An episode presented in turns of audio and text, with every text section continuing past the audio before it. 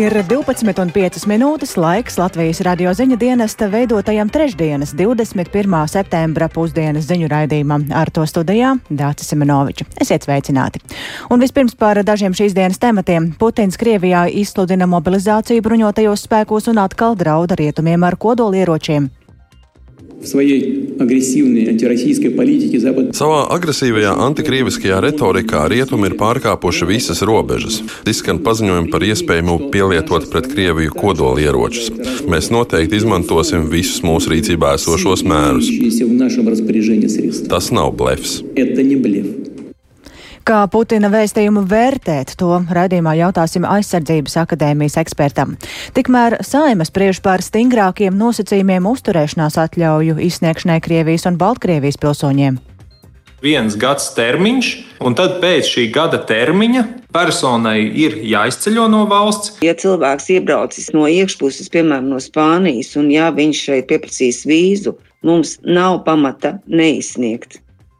Bet Rīgas doma šodien lems, kā galvaspilsētas centrā ietvest turpmāk tīrīs pati. Pirmā etapā tas būs Rīgas vēsturiskais centrs, ko uzņēmās pašvaldība no savas puses centralizēt tīrīt, un tā tad būs simtprocentīgi pašvaldības atbildība.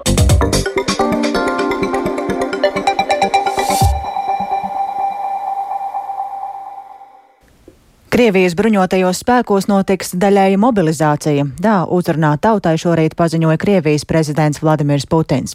Kremļa saimnieks arī vainoja rietumus, ka tie apdraud Krieviju un uzsvēra, ka darīs visu, lai aizsargātu Krieviju ar jebkādiem līdzekļiem, piesaucot arī kodolieročus. Viņš arī norādīja, ka spērs nepieciešamos soļus, lai okupētajās teritorijās nodrošinātu šonadēļ plānoto pseido referendumu. ASV vēstnieks Ukrainā ir izteicies, ka paziņojums par daļēju mobilizāciju ir vājuma pazīme un Krievijas neveiksme. Plašāk par Putinu uzrunu Rihards Plūme. Ilgi gaidīto runu, kurai pēc Krievijas mediju vēstītā bija jānotiek jau otrdienas vakarā, Krievijas prezidents Vladimirs Putins sākā ar ierasto melīgo narratīvu par to, kā rietumi apdraud Krieviju un nevēlas mierīgu risinājumu karam Ukrainā. В своей агрессивной антироссийской политике Запад перешел всякую грань. Мы постоянно слышим угрозы в адрес нашей страны, нашего народа. Savā agresīvajā antikrieviskajā retorikā rietumi ir pārkāpuši visas robežas. Mēs pastāvīgi dzirdam draudus mūsu tautas un valsts virzienā. Vašingtona, Londona un Brisele mudina Kīvu pārnest karadarbību uz mūsu teritoriju. Tiek īstenot arī kodola šantāža. No dažu NATO dalībvalstu puses izskan paziņojumi par iespējamu pielietot pret Krieviju kodola ieročus. Tiem, kas izsaka šādus paziņojumus, vēlos atgādināt, ka arī mūsu valsts rīcībā ir dažādi ieroči un daudz mūsdienīgāki nekā NATO dalībvalstīm. Ja tiks draudēts mūsu valsts teritoriālajai nedalāmībai, Krievijai un tautai, mēs noteikti izmantosim visus mūsu rīcībā esošos mērus. Tas nav blefs. Putins turpināja atkārtot melus par Ukrainas armijas it kā pastrādātajām zvērībām savas valsts teritorijā, apgalvojot, ka Ukraiņi paši nogalina un spīdzina civiliedzīvotājus. Analītiķi jau pirms Putina uzrunas prognozēja, ka Krievijā tiks izsludināta pilnīga vai daļēja mobilizācija. Krievijai saskaroties ar dzīvā spēka trūkumu kaujas operācijām Ukrainā. Prognozes apstiprinājās. Считаю необходимым поддержать предложение Министерства обороны и Генерального штаба о проведении в Российской Федерации частичной мобилизации. Uzskatu, ka par nepieciešamu atbalstīt Krievijas aizsardzības ministrijas un ģenerāla štāba piedāvājumu par daļējas mobilizācijas izsludināšanu Krievijas federācijā. Runa ir par daļēju mobilizāciju un tiks mobilizēti tie, kuri pašlaik ir bruņoto spēku rezervē, un pirmām kārtām tie, kuri dienējuši bruņotajos spēkos, kuriem ir konkrētas militārās specialitātes un atbilstoša pieredze. Iesauktie pirms nosūtīšanas uz vienību obligātā kārtā izies papildu militāro sagatavošanu. Pavēle par daļēju mobilizāciju ir parakstīta. Mobilizācijas pasākums sāksies šodien ar 21. septembri Мобилизационные мероприятия начнутся сегодня. с 21 сентября. Putina ieskatā daļējai mobilizācijas izsludināšana pilnībā atbilst draudiem, ar kuriem Krievijai esot jāsastopas, proti tiekot apdraudēta Krievijas neatkarība un suverenitāte, esot nepieciešams nodrošināt Krievijas iedzīvotāju un arī okupēto teritoriju iedzīvotāju drošību. Rezervisti būs arī jāaprīko ar aprīkojumu, un saskaņā ar Putina teikto, aizsardzības rūpniecības uzņēmumu vadītāji ir tieši atbildīgi par ieroču un militārā aprīkojumā izlaides palīdzību palielināšanas problēmu risināšanu un papildu ražošanas jaudu nodrošināšanu. Kā vēsta Krievijas propagandas medija, aizsardzības ministrs Sergejs Šoigu paziņojis, ka tiks iesaukti 300 tūkstoši rezervistu un Krievijai esot milzīgs mobilizācijas resurss gan arī 25 miljoni cilvēku. Все, безусловно, виды, рода вооруженных сил, включая ядерную триаду, Daļējai mobilizācijai tiks pakļauts nedaudz vairāk kā 1%. Uz mobilizācijas atlikšanu varēs pretendēt militāri rūpnieciskā kompleksa organizācijās strādājošie. Ministrs apgalvo, ka Krievijas armija karā Ukrainā zaudējusi vien 5937 karavīrus. Tikmēr Ukrainas aplēses liecina, ka Ukrainā miruši vairāk nekā 55 tūkstoši Krievijas karavīru. Saskaņā ar Šoigu teikto daļēja mobilizācija nepieciešama, lai kontrolētu okupētās teritorijas un tūkstošu kilometru garo kontaktu kontaktlīniju. Rihards Plūme, Latvijas radio. Un um, ierakstu kopā ar mani klausījās arī Latvijas Nacionālās aizsardzības akadēmijas drošības un stratēģiskās pētniecības centra direktors Toms Rostoks, kurš šobrīd uh, mums pievienojas telefoniski. Labdien! Labdien! Jā, tā tad daļai mobilizācija Krievijā. Ko no šī paziņojuma vajadzētu saprast vienkāršajam cilvēkam un vai Putina vēstījums ir pārsteigums? Nu, Putina vēstījums nav pārsteigums, bet no otras puses mēs, protams, cerējām, ka, ka Krievija kaut kā centīsies šo konfliktu pabeigt. Nu, pat, pat labi, mēs esam kārta trešajā fāzē. Pirmā fāze bija uzbrukums Kievai, otrā fāze bija Krievijas uh, uzbrukumi uh, Donbasā, cenšoties iziet uz šo uh, reģionu robežām. Uh, trešajā fāzē Ukrainas uh, spēki uh, sāk atgūt uh, konflikta sākumā zaudētās teritorijas. Un uh, Krievija cieta būtisks zaudējums, uh, un pašreizējā situācijā, acīm redzot, uh, nu, tas paziņojums norāda uz to, ka Krievija nav gatava zaudēt, nav gatava atstāties, un ka viņi centīsies šo kāru tomēr pavērst sev par labu. Uh, pilnīga mobilizācija uh, nav uh, izsludināta, bet uh, nu, viņi, viņi mēģinās uh, uh, kaut kā kompensēt uh, nu, karavīru trūkumu frontē, uh, kas, uh, kas līdz šim bija liela problēma Krievijai. Vai tas nākotnē varētu arī nozīmēt pilnīgu mobilizāciju? Nu, ja, ja šeit ir skaitlis 300 tūkstoši, tad uh, es nedomāju, ka, ka viņi spēs uh, mobilizēt 300 tūkstoši. Uh, manuprāt, šis Krievijas prezidenta paziņojums ir uh, nu, tāds kā uh, lēciens nezināmajā vai nu, iespējams, ka lēciens bezdibenī. Uh, jo Krievijai nav sakārtot mobilizācijas sistēma. Mēs jau esam redzējuši, ka Ukrainā tiek izmantots uh, bruņojums un individuālais ekipējums, kas uh, nav mūsdienīgs. Tas nozīmē, ka Krievijai varētu būt liels problēmas apgādāt karavīrus, uh, kuri tiek iesaukti armijā. Kad viņi nokļūs tuvāk frontē, tad viņi redzēs, cik tas ir bīstami. Un šeit jau tad varētu būt, um, šis varētu būt arī aizsākums tādiem diezgan neprognozējumiem politiskiem procesiem Krievijā. Jā, nu, ko Krievijas tautai un arī vispār pasaulē kopumā būtu jāsaprot no šī? Nu, uh, pasaulē būtu jāsaprot tas, ka uh, Krievija pagaidām nav gatava šo kāru zaudēt. Viņi tātad pamēģinās vēlreiz. Uh, bet uh, šim te uh, Krievijas prezidenta paziņojumam bija arī otra daļa, kas attiecās uz iespējamu kodolieroču pielietošanu, un tā daļa ir ļoti nepatīkama, jo faktiski um, Krievijas prezidents pazemināja kodolieroču pielietošanas slieksni Ukrainā. Tas nenozīmē kodolkārt tādā pasaules mērogā, bet uh, Uh, bet, uh, bet faktiski Krievijas prezidents paziņoja, ka, ja tiks apdraudēta Krievijas teritoriālā integritāte, tad, uh, tad nu, viņš pat ir tiesīgs izmantot kodolieročus. Un tas ir klajā pretrunā ar to, kas ir ierakstīts Krievijas kodoldoktrīnā. Respektīvi, šie draudi būtu jāsāk uztvert nopietnāk?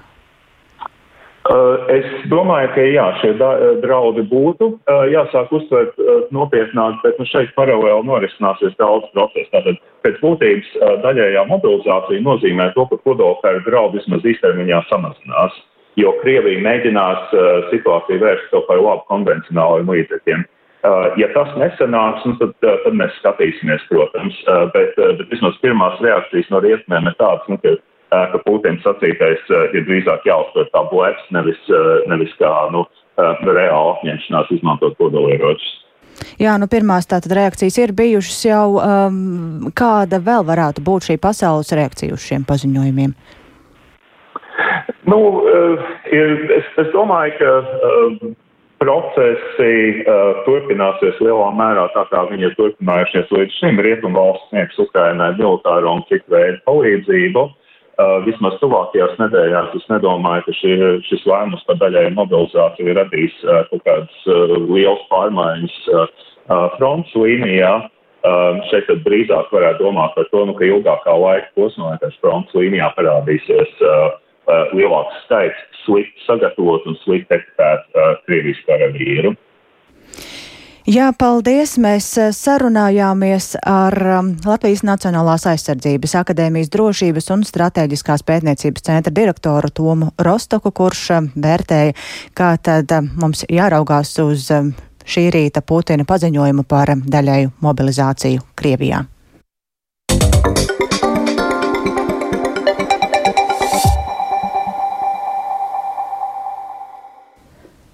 Saimas aizsardzības iekšlietu un korupcijas novēršanas komisija turpina galīgajam lasījumam gatavot grozījumus imigrācijas likumā, kas paredz stingrākus nosacījumus termiņu uzturēšanās atļauju izsniegšanai Krievijas un Baltkrievijas pilsoņiem. Saima likuma izskatīšanai virzīs jau tuvākajās nedēļās, un vairāk par to Jāņa Kīņš ierakstā. Sagatavotās likuma izmaiņas paredz, ka tie Baltkrievijas pilsoņi, kuri bija ieguvuši termiņu uzturēšanās atļaujas 2020. un 2021. gadā, kad notika plašas represijas Baltkrievijā, varēs turpināt uzturēties Latvijā, bet jaunu atļauju izsniegšanu paredzēts ierobežot. Savukārt Krievijas pilsoņiem sašaurinās iespējas iegūt termiņu uzturēšanās atļaujas, kā arī stingrāk vērtēs pastāvīgo termiņu uzturēšanās atļauju izsniegšanu. Iekšlietu ministrs Kristaps Eklons no attīstībai parosināja, ka līdz ar valsts drošības dienestu, valsts policiju un pilsonības un migrācijas lietu pārvaldi pamatu anulēt termiņu uzturēšanas atļaujas Krievijas un Baltkrievijas pilsoņiem izvērtētu arī finanšu izlūkošanas dienests. Tā pārstāvis Aleksējs Loskutovs komisijas sēdē pauda iestādes gatavību uzņemties šīs funkcijas. Ir vienota izpratne par to, kā tiks veikts darbs visu to personu pārbaudīja, kam ir spēku esošo termiņu uzturēšanas atļauja. Un šis darbs tiks veikts ar nu, cieša sadarbība un ievērojot tā likuma normas, kas nosaka FIDE darbību, noziedzīgi iegūto līdzekļu legalizēšanas un terorisma un proliferācijas novēršanas likumu. Tomēr komisijas vairākums šo priekšlikumu un ar to saistītos citus priekšlikumus neatbalstīja, jo šī būtiskā iecer iesniegt pārāk neilgu laiku pirms galīgā lasījuma. Vienlaikus deputāti vienojās likumā ierobežot arī vīzu izsniegšanu Krievijas pilsonim, ja viņš to pieprasa, atrodoties kādā Eiropas Savienības valstī. Uz šādu iespējamību norādīja Pilsonības un migrācijas lietu pārvaldes priekšniece Maira Roze. Tātad normatīvi akti neregulē, ka ja cilvēks iebraucis ir ne caur ārējo Schengens robežu, bet no iekšpuses, piemēram, no Spānijas, un ja viņš šeit pieprasīs vīzu, mums nav pamata neizsniegt. Jo šis likums neregulē to, ka, ja cilvēks šeit ir likumīgi, viņam ir tiesības pieprasīt, piemēram, saistībā ar darbu vīzu arī. Komisijas atbalstu neguva iekšlietu ministra rosinājums izsniegt termiņu uzturēšanās atļauju tiem, kuri gada laikā nebūs iesnieguši PMLP valsts valodas zināšanas apliecinošus dokumentus. Attiecīgi varētu pretendēt uz pastāvīgās uzturēšanās atļauju. Pēc Nacionālās apvienības deputāta Jāņa Dombrovs domām šādas izmaiņas pilnībā mainītu visu likuma grozījumu galveno domu. Tas, ko iekšlietu ministrija piedāvā, ka faktiski visiem Krievijas pilsoņiem, kam ir patstāvīgās uzturēšanās atļauja, eh, būs eh, automātiska iespēja tātad eh, saņemt termiņu uzturēšanās atļauju. Man tas nešķiet pareizs princips. Man liekas, tomēr pareizāks ir princips, ka mēs šobrīd esam pateikuši viens gads termiņš, un tad pēc šī gada termiņa personai ir jāizceļo no valsts vai arī jāsaņem termiņu uzturēšanās atļauja atbilstoši tām imigrācijas likuma normām, kuras ir atstātas spēkā attiecībā uz Krievijas pilsoņiem, kas runā par ģimenes apvienošanu, par humāniem iemesliem. Saima imigrācijas likuma grozījumus skatīs jau tuvākajās nedēļās. Pašlaik gan vēl nav zināms, uz cik daudziem cilvēkiem tās varētu attiekties. Jānis Kincis, Latvijas Radio. Savukārt kopš pirmdienas ir spēkā ierobežojumi Krievijas pilsoņiem ieceļot Baltijas valstīs nebūtisku mērķu dēļ, piemēram, turismu nolūkos. Un turismu sezona gan ir noslēgusies, taču vai Krievijas pilsoņu vēlme ieceļot ir mazinājusies? Un, lai uzzinātu aktuālo informāciju, šobrīd esam sazinājušies ar valsts robežsardzes priekšnieku vietnieku ģenerāli Ivaru Ruskuli. Labdien! Labdien! Bet vispirms saistībā ar daļēju mobilizāciju Krievijā, vai neprognozējat, ka šī iemesla dēļ varētu pieaugt interese šķērsot Latvijas robežu? Jā, protams, saistībā ar mobilizāciju daļējo, kas ir izsludināta Krievijā, mēs šos riskus izvērtējam un esam gatavi reaģēt, ja būs personas parādīsies uz robežas, kuras mēģina šķērsot nelikumīgi to, lai izvairītos no dienesta Krievijas bruņotajos spēkos. Savukārt, runājot par tātad esošo spēkā ieceļošanas liegumu, cik, kāda tur ir situācija, cik Krievijas pilsoņi ir mēģinājuši ieceļot Latvijā kopš pirmdienas? Kopš pirmdienas mums ir atteikta ieceļošana sešām personām, proti Krievijas pilsoņiem, kur mēģināja ieceļot, bet neatbilda 599. rīkojuma prasībām. Esam sazinājušies arī ar kolēģiem Lietuvā, Igaunijā un Polijā, un situācija attiecīgi Lietuvā ir 40 atteikumi ieceļošanai Krievijas pilsoņiem, Igaunijā tie ir 29 un Polijā nav atteikta ieceļošana. Kādēļ pie mums ir mazāk šo gadījumu?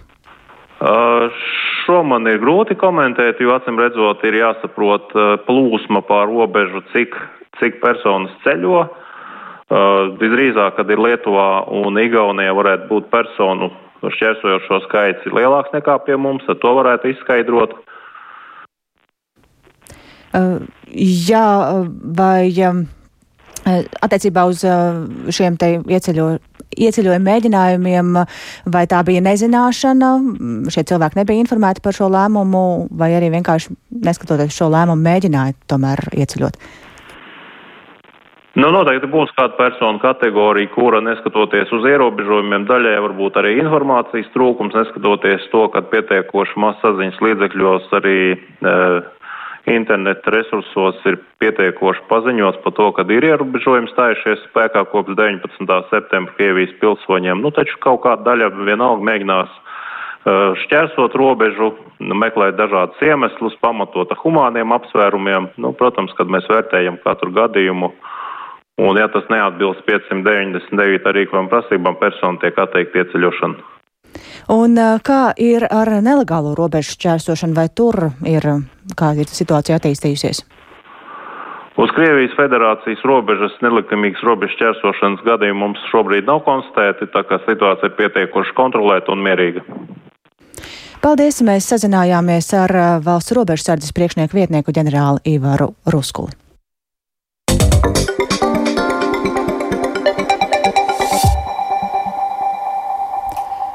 Un pievēršamies dažām pašvaldību norisēm. Šodien Rīgas doma sēdē lems par izmaiņām ietviju tīrīšanā ziemā, kas paredz, ka jau trīs gadu laikā pašvaldība pati centralizēti attīrīs sniegu. Taču jau šo ziemu galvaspilsētas vēsturiskajā centrā aptuveni trešo daļu tīrīs Rīgas teritorijas labiekārtošanas pārvalde, bet pārējo uzņēmējs, kuru noskaidros iepirkumā.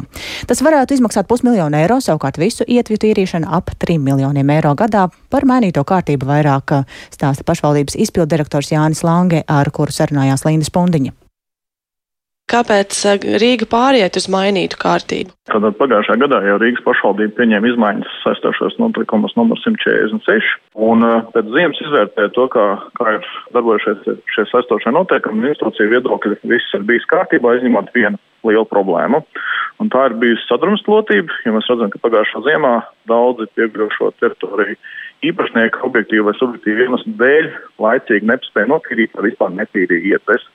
Un tas ietekmēja iedzīvotāju iespējas droši pārvietoties pa ietvēm.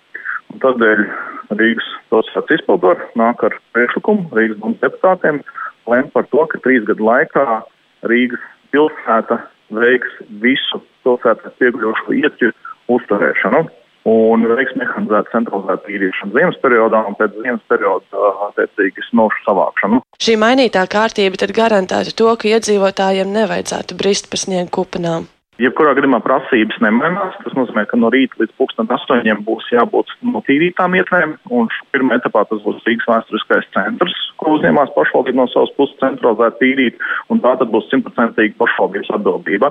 Jā, mēs plānojam to, ka nebūs šāda situācija. Protams, ja ir intensīva sniegšana, tad citas prasības, kas nosaka, kāds ir pieļaujamais sniega biezums, tad attiecīgi mēs plānojam, ka mūsu rīcībā būs pietiekoši tehnikas vienības, lai to izdarītu. Runājot par šo ziemu, saprotu, ka vēsturisko centru, kā jūs jau minējāt, tīrīs pašvaldība, taču tiks piesaistīts arī iepirkuma kārtā uzņēmējs. Vai ir zināms, ka šis uh, iepirkums tiks izsludināts un jau būs zināms arī uzņēmējs? Jā, viņš ir izsludināts, šobrīd viņš vēl nav noslēdzies. Jebkurā gadījumā mēs reiķinām, ka šīs prasības varētu tikt uzsākts ar 1. novembri. Un mēs reiķinām, ka tie apmēram 380 km ieķa, kas ir Rīgas vēsturiskā centrā un mēs ap joslā Un mēs plānojam ar saviem spēkiem, ar teritorijas labiekārtošanas pārvaldes palīdzību tīrīt centralizēt 110 km un ārpakalpojumu piesaistīt uzņēmēju, kas veic 270 km ietver tīrīšanu. Un kopā mēs plānojam, ka tās varētu būt aptuveni 25 tehnikas vienības. Un kā raugoties arī uz to, kā citus gadus bijis, vai nav bāžas, ka uzņēmējs savas saistības varētu arī nepildīt? Jāsaka, ka mēs esam kļuvuši par prasīgu klientu Jā, tas nozīmē, ja ir līgumā noteikts konkrētas prasības, mēs arī prasām, lai uz otru pusi tās izpildītu. Un mēs redzējām, ka pagājušajā ziemā mums ar to bija problēmas, jo otra puse nespēja pildīt savas saistības, tādēļ līgumu mēs lauzām un noslēdzām līgumu ar citu uzņēmēju, kas ir savas darbības attaisnojis. Un mēs plānojam turpināt šai pašā virzienā. Prasības pret uzņēmēju būs striktākas attiecībā gan par kontroli, gan par darba veikšanas termiņiem. Un plānojam, jā, jebkurš uzņēmējs, kurš pieteiksies, viņam jārēķinās ar to, ka mēs būsim prasīgs klients. Savukārt Daugavpils atteikusies no jaunas tramvaja līnijas izbūves, kas savienot pilsētas centra posmā no esošā tramvaja galapunkta stacija ar cietoksni. Uzņēmums Daugavpils satiksme lūdz valdību šim mērķim paredzēto naudu novirzīt citai jaunai tramvaja līnijai Vaņodas ielas posmā, savienojot pilsētas apkaimes ķīmiju un vecstropi. Abiem projektiem ir kohēzijas fonda atbalsts, taču pirmajā gadījumā iepirkuma konkurss par līnijas izbūvi beidzās bez rezultāta, savukārt otrs projekts ir kļuvis ievērojami dārgāks un nav arī daudz gribētu piegādātāji Daugopilī piegādāt jaunus tramvajus. Plašāk par to Silvijas Smagaras ierakstā. Gandrīz trīs gadus pa Dāngāpos tramvaja sliedēm kursēm astoņi pēdējie iegādātie jaunākie tramvaja vagoni ar nosaukumu City Star, jeb latviskojot Lielpilsētas zvaigznes. Tie ražoti Krievijā Tveres vagonu būves rūpnīcā, un tos Dāngāpilī par 4 miljoniem eiro piegādāja Lietuvas uzņēmums Relvek. Tuvākajā laikā Dāngāplī būtu jāiegādājas vēl seši jauni tramvaja vagoni. Vairāki konkursi to iegādēji beigušies bez rezultātiem. Līdz saņemts pēdējā konkursa piedāvājuma stāsta Dāngāpils satiksmes projekta vadītāja Dagnie Brīška Nikolājeva. Tramvaju iepirkuma konkurss kopumā bija no sešām daļām. Ir pieteicies viens pretendents uz vienu daļu. Apņemas piegādāt četras tramvajas. Tas ir par diviem tramvaju vagoniem mazākā sākotnē plānots, bet vienīgais pretendents ir vietējais uzņēmums Dāngāpos lokomotīvu remonta rūpnīca. Galvenais jautājums un galvenais labums ka konkursam vismaz ir rezultāts. Transporta nozares korētājs Dāngāpolī valsts pilsētas domas priekšsēdētāja vietnieks Celāksies Vasiljevs no Latvijas Krievu Savienības neslēpj, ka bija bažas par šī konkursa norisi tieši pretendenta trūkuma dēļ. Tagad šķietami šis jautājums atrisināts. Galvenais noteikums iekļauties noteiktajos projekta termiņos līdz nākamā gada beigām. Sarežģījumi Dāngāpols satiksme radušies arī kohēzijas fonda atbalstīto divu jaunu tramvaju līniju izbūvi.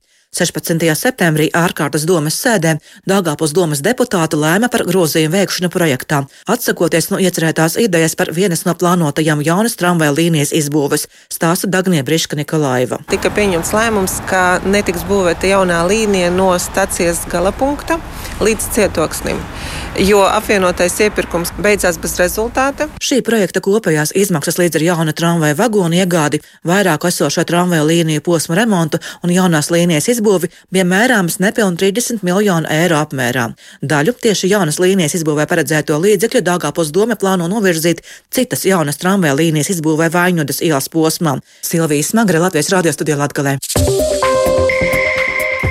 Un ar to izskan ziņu dienesta veidotā programma Pusdiena producents Edgars Kupčs, ierakstus montēja Kaspars Groskops par labskaņu rūpējās Toms Šupēko un ar jums sarunājās Dācis Semenoviča. Vēl īsi par svarīgāko Putins Krievijā izsludina mobilizāciju bruņotajos spēkos un atkal draud rietumiem ar kodolieročiem. Saimas spriež par stingrākiem nosacījumiem uzturēšanās atļauju izsniegšanai Krievijas un Baltkrievijas pilsoņiem, bet Rīgas doma šodien lems, kā galvaspilsētas centrā ietves turpmāk tīrīs pati.